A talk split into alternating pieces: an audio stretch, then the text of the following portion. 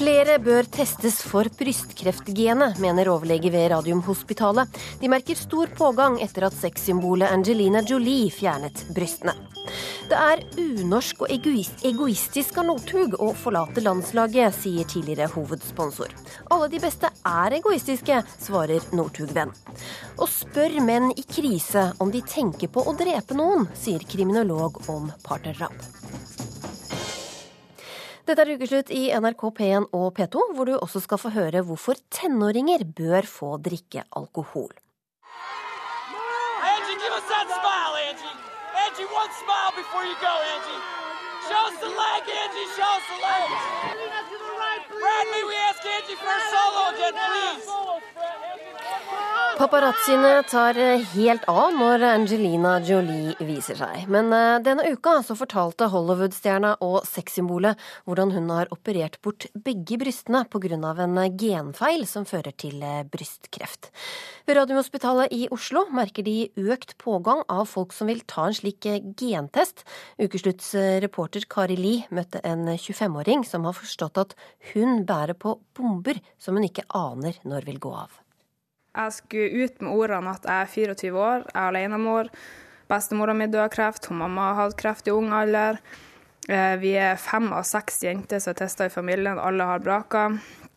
Eh, og da ble det egentlig bare til at plutselig så følte jeg at herregud, hele familien min er jo bare en kreftsvulst. Hva, hva, er det her for noe? Iselin Berg Bustadmo har BRCA1-genet, eller BRAKA som hun kaller genfeilen som kan gi henne kreft.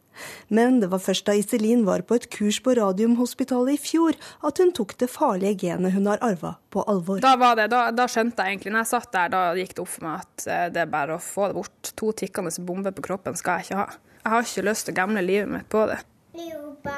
Vi er i Straumen i Kvæfjord, hvor Iselin bor i eget hus med datteren Randi Helene på tre år. Super.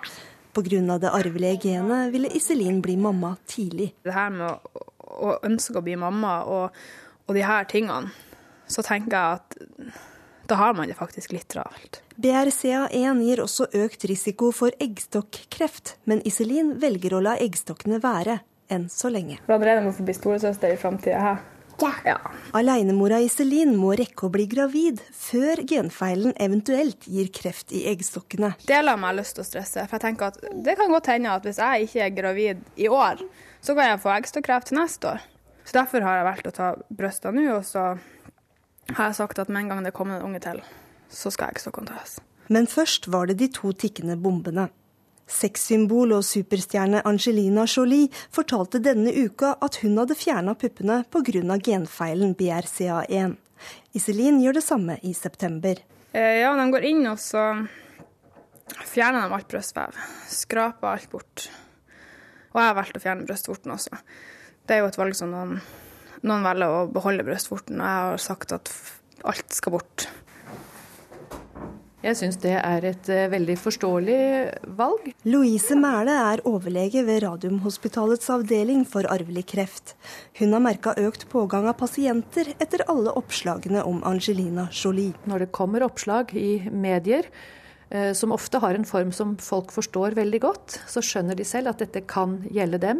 Og så henvender de seg selv, eller de ber om å bli henvist fra lege for å få avklart sin egen risikosituasjon.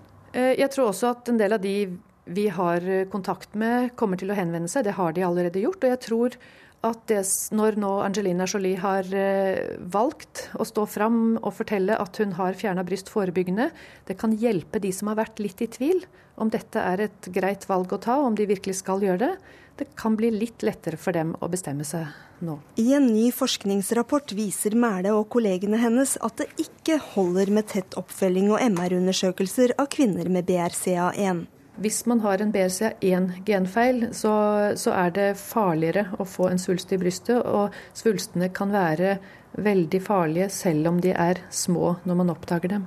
Det ser ikke ut til at vi i dag har effektiv behandling som eh, kan helbrede alle i denne situasjonen. Overlege Louise Mæle kunne ønske flere fikk ta testen som avslører BRCA-genet. Ja, De fleste som har eh, en BRCA1 eller BRCA2-genfeil i Norge, vet jo ikke om det.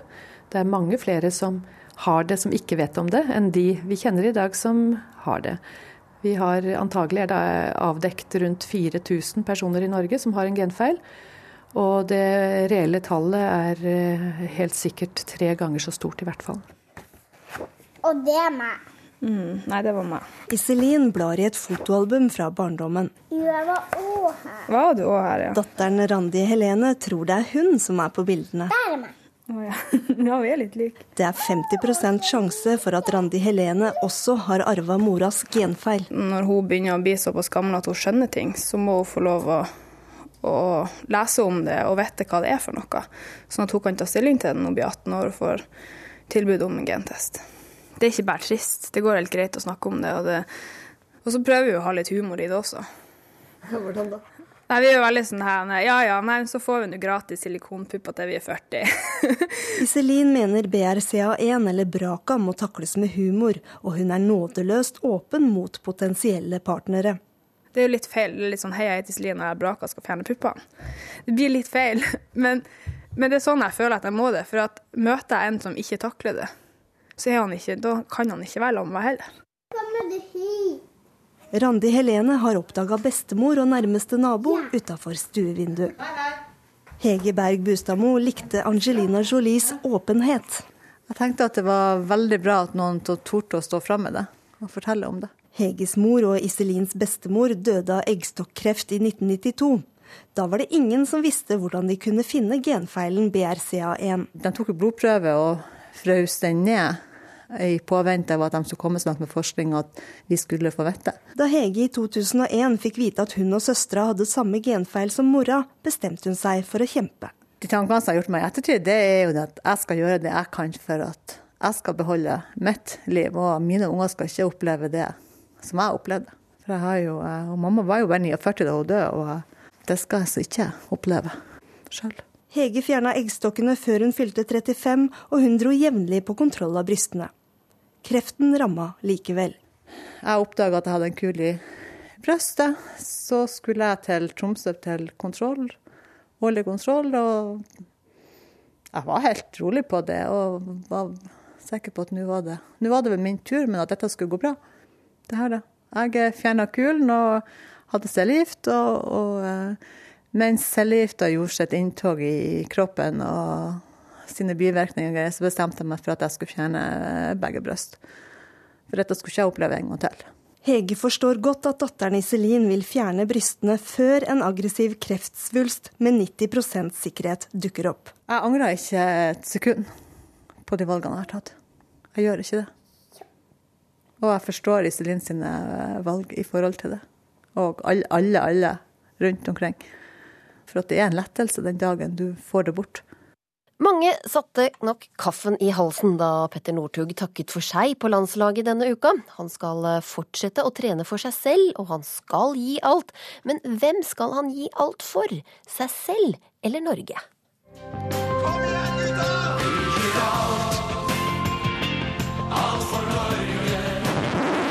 Fra og med eh, denne sesongen her så kommer jeg til å gå, gå ut av landslag og, og trene utafor og forberede meg stort sett alene mot eh, neste sesong. Og styre hverdagen litt mer sjøl og, og være litt mer egen kaptein. Og det, det er det som er begrunnelsen for at jeg, jeg gjør det valget. Hjelp å tryne? Det er trist, det. Det er jo synd, da. Skal han begynne som privat, eller? Han skal trene for seg sjøl. Ja. Hm. Det viktigste er at han blir med og vinner for oss. Og ingen har sjans til å følge Northug! Gullet går til Norge! Det er så lett! Er Hvis man ikke er 100 motivert, da er man ferdig. Se på Petter Northug, da! Han er jo ja, Norges uh, idrettshelt. En ny skikonge er født! Det er ingen tvil om. Det er bare å ta imot jubelen fra publikum. Du går inn i historien som en av de store. Du har bare to-tre meter igjen. Jeg ønsker å gå litt nye veier og prøve noe nytt. Det gidder jeg ikke å bry meg med, altså. Det har jeg veldig forståelse for. Oh, dette her blir så spennende. Så spennende. Peker på seg sjøl idet han går i mål og sier 'jeg er best'. Her er han en gris som driver med sine konkurrenter, og det her er ikke snyggt. Han har jo bare lyst til å trene med noen andre. Og det er jo egentlig greit. Men jeg skjønner ikke helt grunnen. Jeg skjønner ikke poenget når landslaget er det beste laget ditt kan trene med. og hatt fine år der. Så veldig takknemlig for dem. og det er år man aldri kommer til å glemme. Hvis du hadde fått spørsmål om du ville trene med landslaget, så hadde ikke du droppa det? Nei, da hadde jeg sagt ja, siden jeg er langrennsløper selv.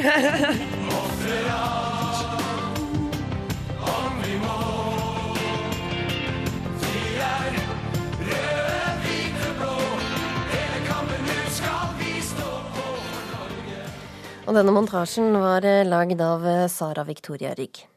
Jakob Lund, du er eh, tidligere sponsorsjef i DNB-konsernet, som var Skiforbundets hovedsamarbeidspartner i starten av Northugs landslagskarriere. Og så vil jeg bare også presisere at du nå er tilknyttet NRK som konsulent for å sikre NRK senderettigheter for skiskyting framover.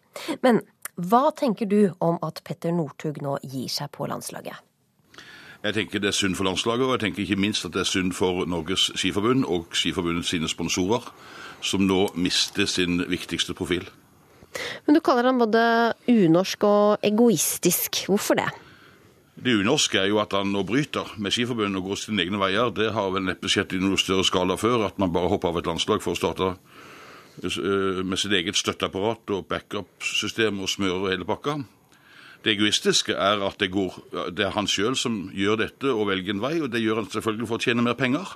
Otto Ulseth, du var eh, tidligere ansatt i Norges eh, Skiforbund som eh, pressekontakt for herrelandslaget. Du står Petter Northug svært nært, og var bl.a. sammen med ham på fotballkamp like etter at han slapp nyheten denne uka. Men han er unorsk og egoistisk, sier Lund. Hva sier du til det? Ja, altså det finnes Jeg kjenner ingen individuelle idrettsutøvere på høyt nivå som, som, man ikke kan si om er egoistisk, i den forstand at alle andre hensyn må vike til fordel for den idrettslige aktiviteten deres, og for å optimere, optimere betingelsene der. Eh, så det tror jeg nok du kan si om Petter, på samme måte som du kan si det om hver eneste en av dem som er igjen på landslaget òg. Jakob Lund, er det ikke det som kanskje må til for å Han har vunnet gull på gull på gull for Norge? Ja, jeg kjenner jo mange som har vunnet mange flere gull enn han, gull enn han bl.a. i skiskyting. Og det har vært mange store uh, utøvere før han. Det, og idrettsmiljøet har kjent siden 1992 på toppnivå. Så det kan jeg alt om at ego, egoismen er enorm. Men nå tas det ut i en kapitalisert form. For å være klar over at han er født på Mosvika, og talentet er helt utvilsomt. Men opp gjennom årene så har han fått støtte i de klubbene han har vært i, Mosvika, i Strindheim og ikke minst på Skiforbundets elitesatsingslag, der de har kjørt ut enorme ressurser for å backe han til å vinne de gullene han har tatt, og blitt så profilert og så god. Så han, han har på en måte Jeg, litt sånn, jeg tenker litt sånn som Marit Bjørgen, at kua må på en måte ikke glemme helt at hun har vært kalv. Men svikter han landslaget, slik du ser det? Ja, han han svikter ikke landslaget. Jeg vet ikke hvor mye glede landslaget har hatt av han som utøverne i landslaget har hatt av han, han svikter Norges Skiforbund. Nei, altså Jakob Lund bommer litt når han eh, tar for gitt at dette er økonomisk motivert. Um, min opplevelse er at det er i liten eller kanskje ingen grad økonomisk motivert. Det han, det han søker, er fornya motivasjon. Og, og, det er en eh, ganske fornuftig eh, tanke for en idrettsutøver som skal holde sitt høye nivå. Jeg kan ikke skjønne hvorfor mitt bare jeg hva slags fornyet informasjon han skal få utenom verdens beste støtteapparat. Han må nå begynne å fra scratch bygge opp sitt eget, og alt i støtteapparatet hans nå kan bare bli dårligere enn det som har vært, fordi at Norges Skiforbund har det beste støtteapparatet i verden. Det er, sånn, det, er sånn, det er en, veldig sånn sjablongmessig uttalelse som, som, du ikke gir noe innhold i. ja, veldig, vet, du om, vet, du om, noe bedre støtteapparat i Norge for Petter? Det, det, er veldig mye bra å si om, eh, om den måten Norges Skiforbund jobber på, og de menneskene som er der. Men eh, det er klart at det kan i gitte situasjoner tenkes at Petter kan finne enda bedre hjelpere og støtteapparat rundt seg, i alle fall for en periode. Men skylder han ikke landslaget noe som helst etter, eh, etter at alt de har bidratt med til hans suksess? Ja, jeg er helt enig sånn på prinsipielt grunnlag i den tankerekka som Jakob Lund inviterer til, om at uh, kua må huske at hun har vært kalv og sånt. Når det gjelder Petter Northug, så starta han som ku med å bli kasta ut av et OL som en med stor sannsynlighet ville vunnet medalje i, i en håpløs prosess og uten uh, noe særlig forklaring. Det, var, det var liksom hans inngang og måten han ble ønska velkommen inn i Norges Skiforbund på. Og når det gjelder hvem som har betydd mest for eh, Petter Northugs utvikling og videreutvikling, så er det veldig mange der som aldri har vært tilknytta Norges Skiforbund. Eh, Og så har han jo da for øvrig vært på det landslaget siden 2006 og, og bidratt enormt finansielt, og så vidt jeg kan forstå, på mange andre måter. Og jeg spår kanskje at han kommer til å gjøre det igjen. Han er jo, han er jo har vært og er gullkalven for, for Norges Skiforbund. Og det er klart at i innsalget av de eksisterende avtalene som Norges eh, Skiforbund har med sponsorene sine, så er han blitt lagt fram som åte. Ja, helt riktig. Men Northug sa jo på pressekonferansen at han gjerne ville være sin eh, egen eh, kaptein. Hva tenker du om det, Jakob Lund? Har han ikke hatt nok frihet, selv om han har hatt en del? Jo, han har jo vært sin egen kaptein eh, i årevis. Altså, jeg mener, Han har jo fått dratt på pokerturneringer og reist der han ville og stilt opp på ting og tang. Og kutta ut enkelte løp og ta, droppa når han ikke har følt seg helt i form. Eh, det ene og det andre, både verdenscuprenn og NM. Så han har fått stort sett gjort som han ville. Når, når Otto sier det, Otto Ulseth sier det at det her er ikke noe økonomiske motiver, så er det klart det er det. Det er, må nesten være eh, holdt på å si døvblind for ikke å oppdage. Jeg eh, har erfart i dag at eh, den avtalen han skal inn i, ligger på en, avhengig av bonus, da, ligger mellom 10 og 20 millioner kroner, og i en tidshorisont på fire, til, fire år til, ikke til evigheten da, men i årevis fremover. Og det er klart dette er et driver av en annen verden for en ung gutt på 26 år. Det høres ikke dumt ut, Ulseth? Nei, det høres ikke dumt ut. Men Petter Northug har gjort det økonomisk veldig godt på skikarrieren sin uansett tittel, og det tror jeg han mener sjøl. Og jeg, jeg opplever like fullt at han i veldig liten grad har vært drevet av økonomi. Men det mange spør seg nå, er jo hva som skjer eh, framover. Vil Petter fremdeles dra i land gull på gull for Norge i Det, ja, det tror jeg nok han vil. Det er gull på gull vet jeg ikke, men i hvert fall være helt sentral i in den internasjonale langrenn. Både i eh, Tour de Ski og innenfor OL og VM. Men det spørs jo hvor mange renn han gidder gå, for han er jo nødt for å stille opp for eh, Coop, eller de sponsorene som de nå skal eh, finne frem til ham. Ja, Det er det ingen gitt å, å spå noe sikkert om, men at han kommer til å gjøre den jobben, som er første forutsetning, det er jeg helt sikker på. Ukeslutt den neste halvtimen byr på følgende saker. La 15-åringene få drikke alkohol og slippe å lyve om det, sier tenåringsmamma som møter politiker og seksbarnsmor til debatt.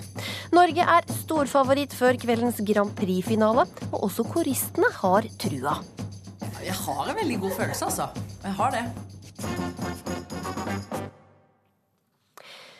På nasjonaldagen i går ble drapsofferet Sivje Skjerven minnet med ett minutts stillhet og senkede faner i det lokale 17. mai-toget.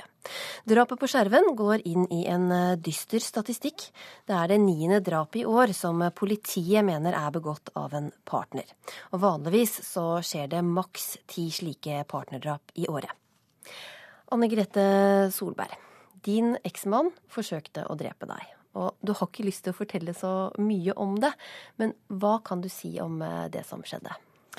Det, Det som skjedde, var at eh, det var i forbindelse med et eh, partnerbrudd. Og jeg ble skutt eh, to ganger. Og det medførte at jeg har amputert hele armen min. eh, Skulderleddet er borte.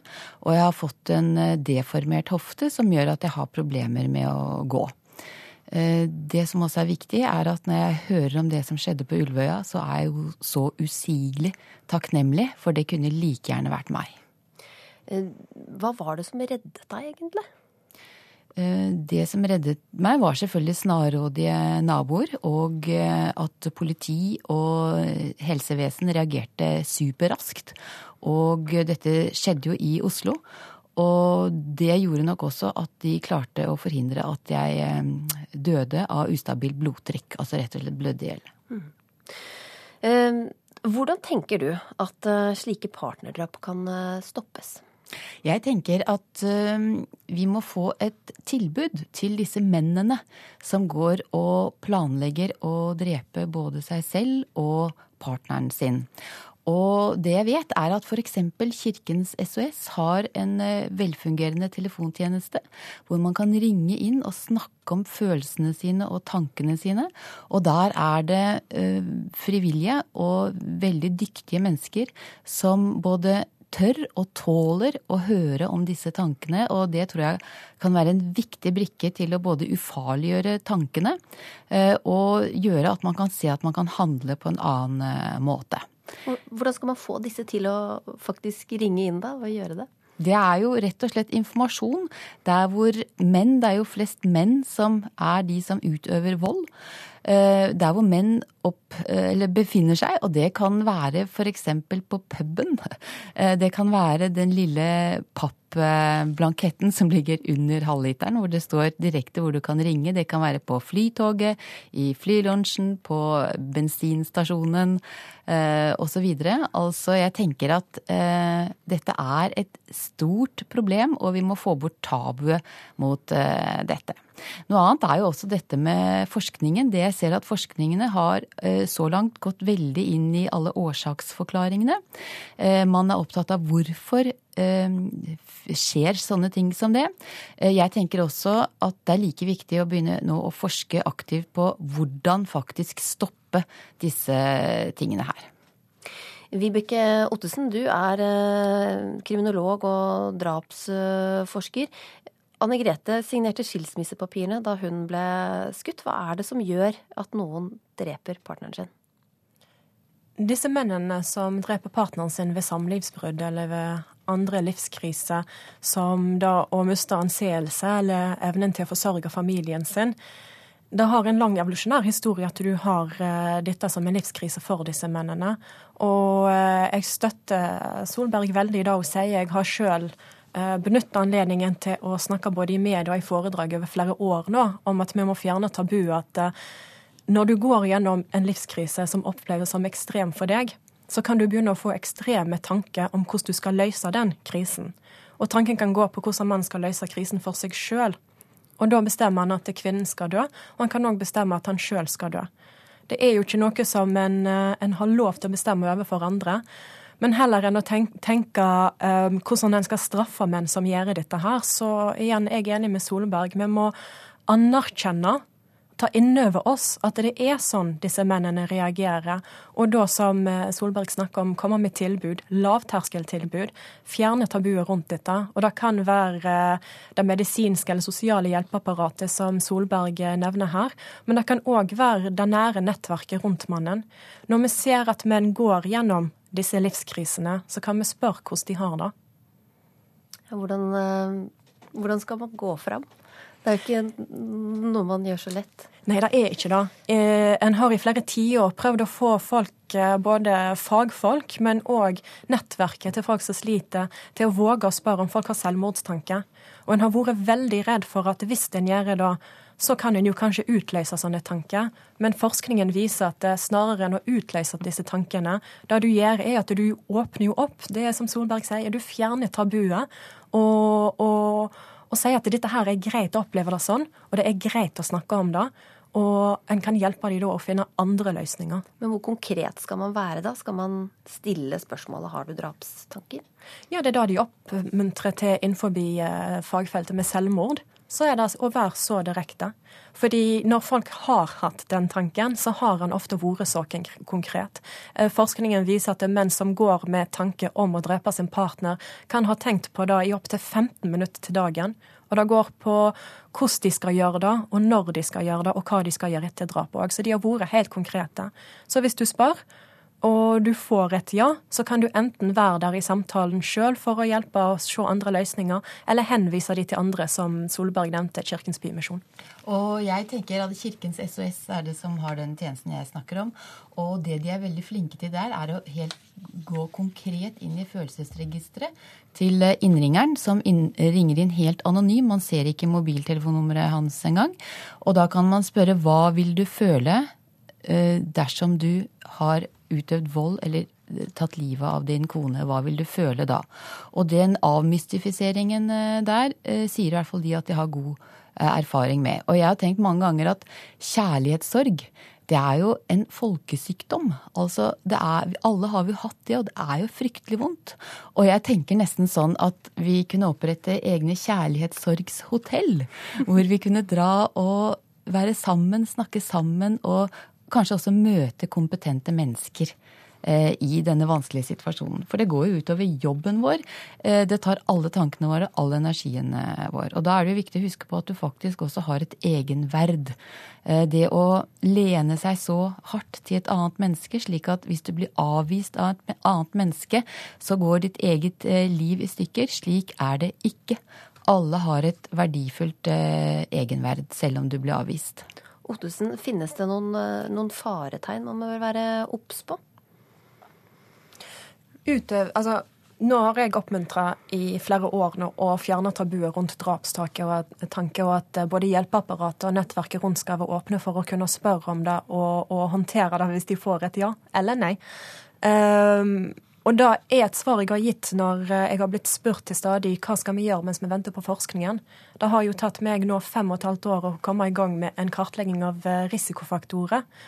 Og den kartleggingen skal jo vise hvem som er de sårbare gruppene. Hva er det utover at de har gått gjennom livskrise. For da er det jo mange av oss som gjør det uten at vi nødvendigvis begår drap i nære relasjoner. Men hva er det som kjenner både forøver og offeret, og mer spesifikt forløpshistorien, for å kunne skreddersy tiltak akkurat til de det gjelder? og jeg tenker det å kunne lokalisere en familie i faresonen kan gjøres veldig enkelt. Eh, disse familiene legger mange digitale spor etter seg inne i offentlige systemer. De er ofte i en separasjonssituasjon. Eh, de kan ha kontakt eh, med psykiatrien.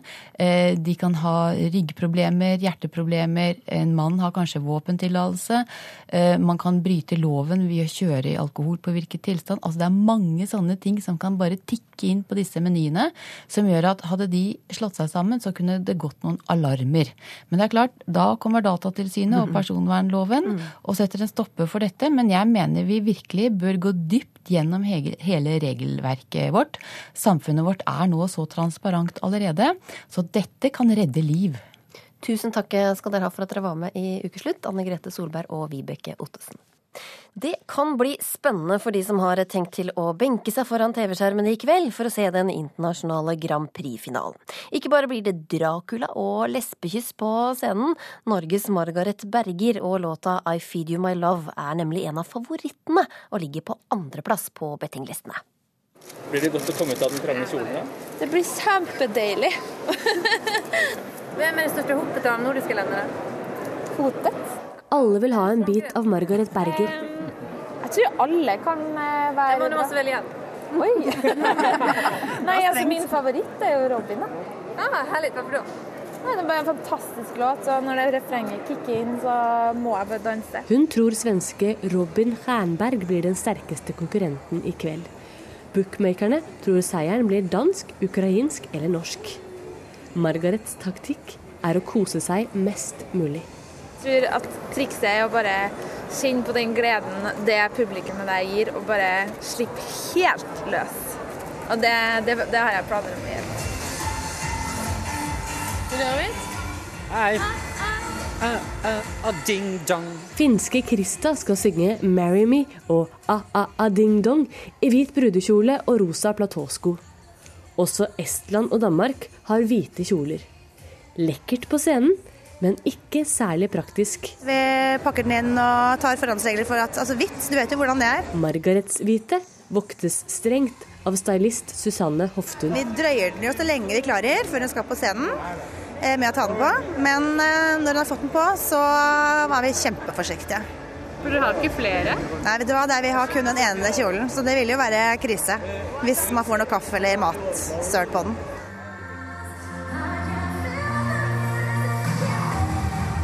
Sceneshowene i kveld inneholder vanvittige flammeshow, akrobatikk og turn, dansing med røde fjær i glassbur og en og annen byge med gullregn. Norge og Margaret holder det relativt nøkternt, med hvitt lys, en tøff trommeslager og sortkledde korister. Jorunn Hauge har vært med som korist i finalen mange ganger. Bl.a. da Alexander Rybak vant i 2009. Kjenner du det på gikta? Jeg kjenner det på gikta! Er det sant? Jeg har en veldig god følelse, altså. Jeg har det. Eh, Men det er jo liksom eh, Europa som bestemmer, så man vet jo ikke. Men eh, jeg syns vi har en kjempebra artist. Margaret. Helt strålende. Fantastisk fin låt. Og ja, jeg syns det, det, det føles veldig bra, rett og slett. I kveld må alt klaffe. OK. Um, mm, en, to A Cocoon. Nei!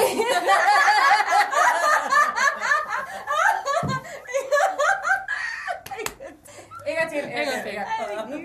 Ah, Er dere klare? Ja, nå er vi klare. Nei, Nå er vi-. Er klare? Nå blir jeg nervøs.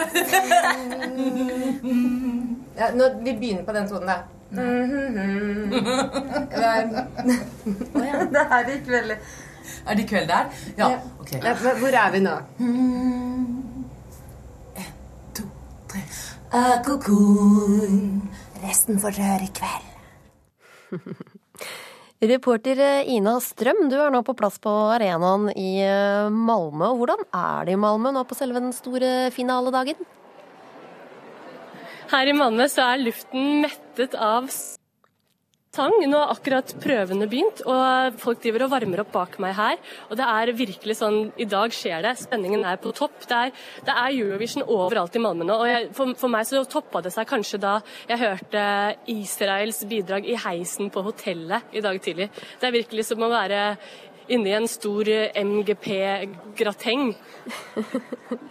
Eurovision skal jo være et eh, TV-sirkus hvor det merkeligste kan skje. Hva er det som er snakkisene der nå, da?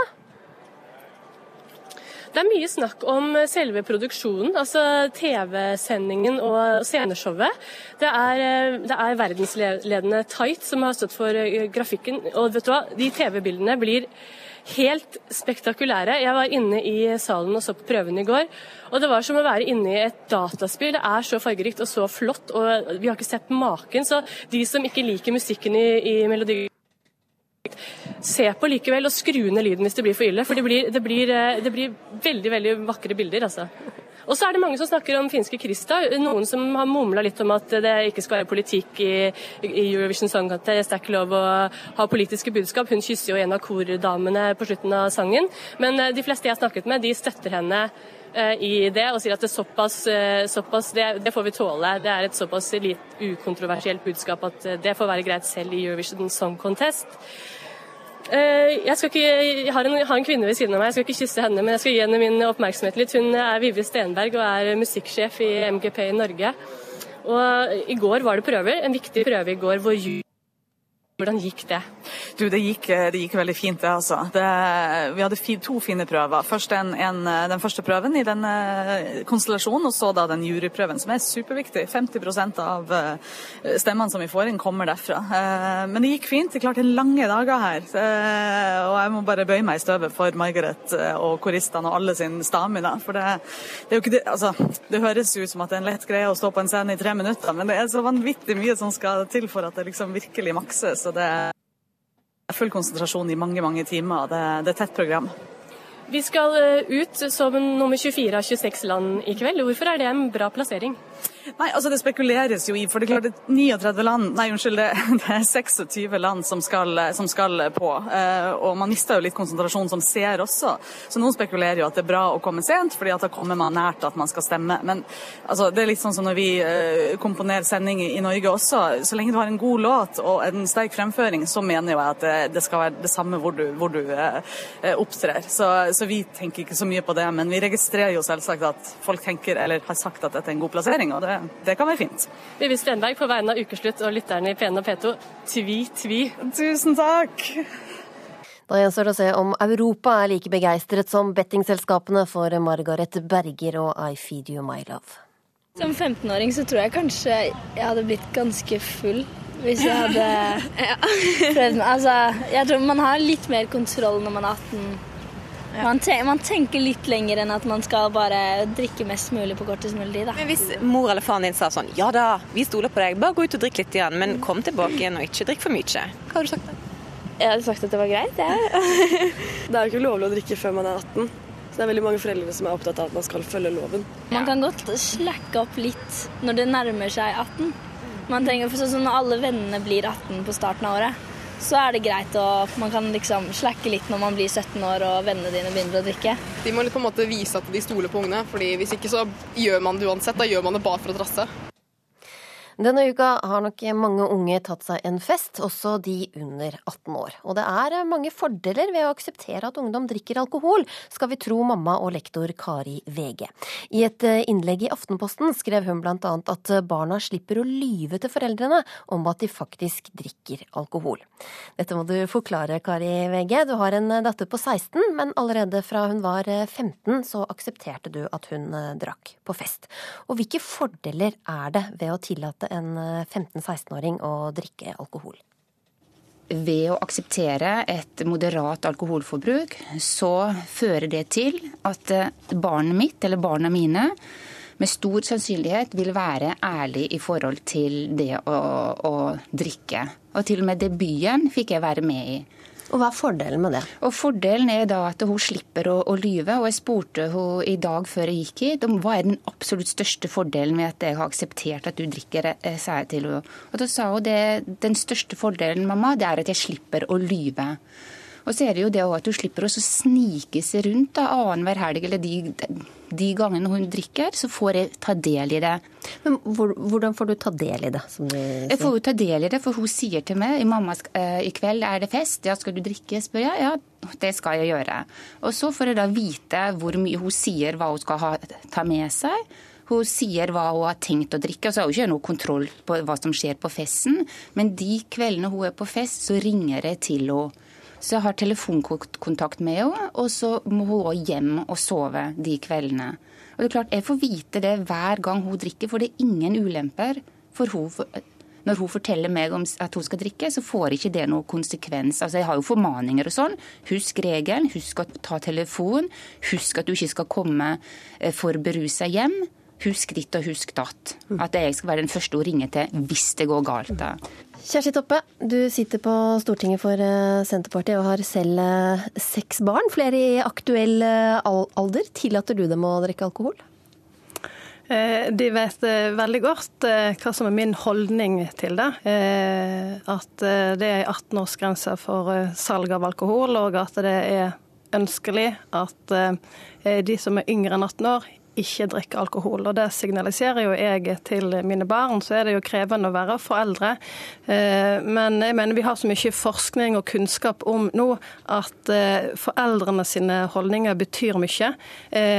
Vi, det er undersøkelser bl.a. fra Midt-Norge kompetansesenter for rusfag som har funnet fram til at i familier der foreldre misliker at ungdommen drikker, så har under 10% av ungdommen vært ofte fulle. Mens i familier der foreldre enten ikke bryr seg eller sier at de aksepterer det, så har over 50% ofte vært fulle. Sånn at foreldrene sine holdninger det betyr noe for hvor mye og hvor ofte ungdommen drikker. Og jeg mener det er et mål at ungdom under 18 år ikke drikker så mye alkohol. Kari, hva tenker du om det, om at dine holdninger betyr noe for Jeg tenker at mine holdninger betyr kjempemye i forhold til den barneoppdragelsen som jeg står for. Og da er mine holdninger helt klare. og all min erfaring med Jeg har jobba som lektor på videregående i, i, over 15 år, selv om det ikke er der jeg er nå. Og all min erfaring tilsier at hvis foreldre da nekter barna sine å drikke alkohol og er veldig imot det, eller kanskje faktisk bare litt imot det òg, så vil du ikke få den åpenheten. Jeg er jo så interessert i dette her temaet her, at jeg har jo spurt da eh, vennene til, til, til, min datter om de forteller noe hjemme. Og når hun debuterte med, eh, med alkohol, så var det ingen av de andre, la oss si at det var 15-20 stykker til stede på den festen. Ingen andre foreldre fikk vite at barna debuterte. Men det at jeg da ringte jeg jo sikkert seks-sju ganger og var til stede de tre timene dette gjaldt, for det var jo selvsagt etter et skoleball. Det er jo da ofte de, de debuterer. Mm. Så, så, min erfaring er at selvfølgelig så er det fordel hvis de utsetter sin debut, men man får det ikke til. Du er ikke redd for, å, for at de bare lurer deg da, Kjersti Toppe? Eh, ungdom og barn kan alltid lure sine foreldre. Eh, men jeg, eh, jeg, tror ikke det er sånn at en er nødt til å akseptere alkoholbruk hos mindreårige for å få til en åpenhet og en god kommunikasjon. Det kan du få til uansett. Men Kari VG, hvor, hvor, ung er det greit at de, hvor ung kan de være når de begynner, syns du? For, for meg, da, som har tatt et bevisst valg her, så går det på at jeg hadde ingen ønsker om at min datter skulle stå alene. Når hennes venner skulle debutere, så skulle hun være en av de. Eh, og, og Derfor kan jeg ikke svare helt eh, konkret på hva som er den riktige debutalderen. Men for, for mitt barn, og flere andres barn, vil jeg tro, vil det være en fordel å være med i den gjengen som du tilhører. La oss si at du er så heldig eller uheldig å få barna ditt til å ikke drikke før de blir voksne, så viser altså um, forskning, professor i psykologi ved Universitetet i Oslo, Willy Pedersen, i undersøkelsene så viser det seg det at de barna som ikke drikker alkohol, har svakere vennenettverk og opplever mer ensomhet eller barn som følger den normalen. da. Gruppetilhørighet og venner er det viktigste barna kan ha. Og du får sannsynligvis ikke til det hvis du skal stå utafor miljøet. Så aldersgrense kan jeg ikke si.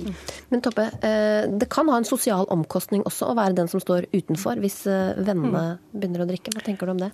Så jeg nekter å akseptere at vi som foreldre og som voksne eh, skal eh, legitimere at alkohol skal være på en måte inngangsporten eller forutsetning for et sosialt eh, nettverk og et sosialt fellesskap hos mindreårige i, i Norge. Og når vi vet at fire av ti 15- og 16-åringer faktisk ikke drikker, så er det jo en ganske stor gruppe som vi da sier ikke har et sosialt nettverk, og de bør da begynne å drikke. Altså, Den der er veldig farlig. Eh, alkohol, eh, det er ikke nødvendig for at du skal ha et, et sosialt liv som 15- og 16-åring.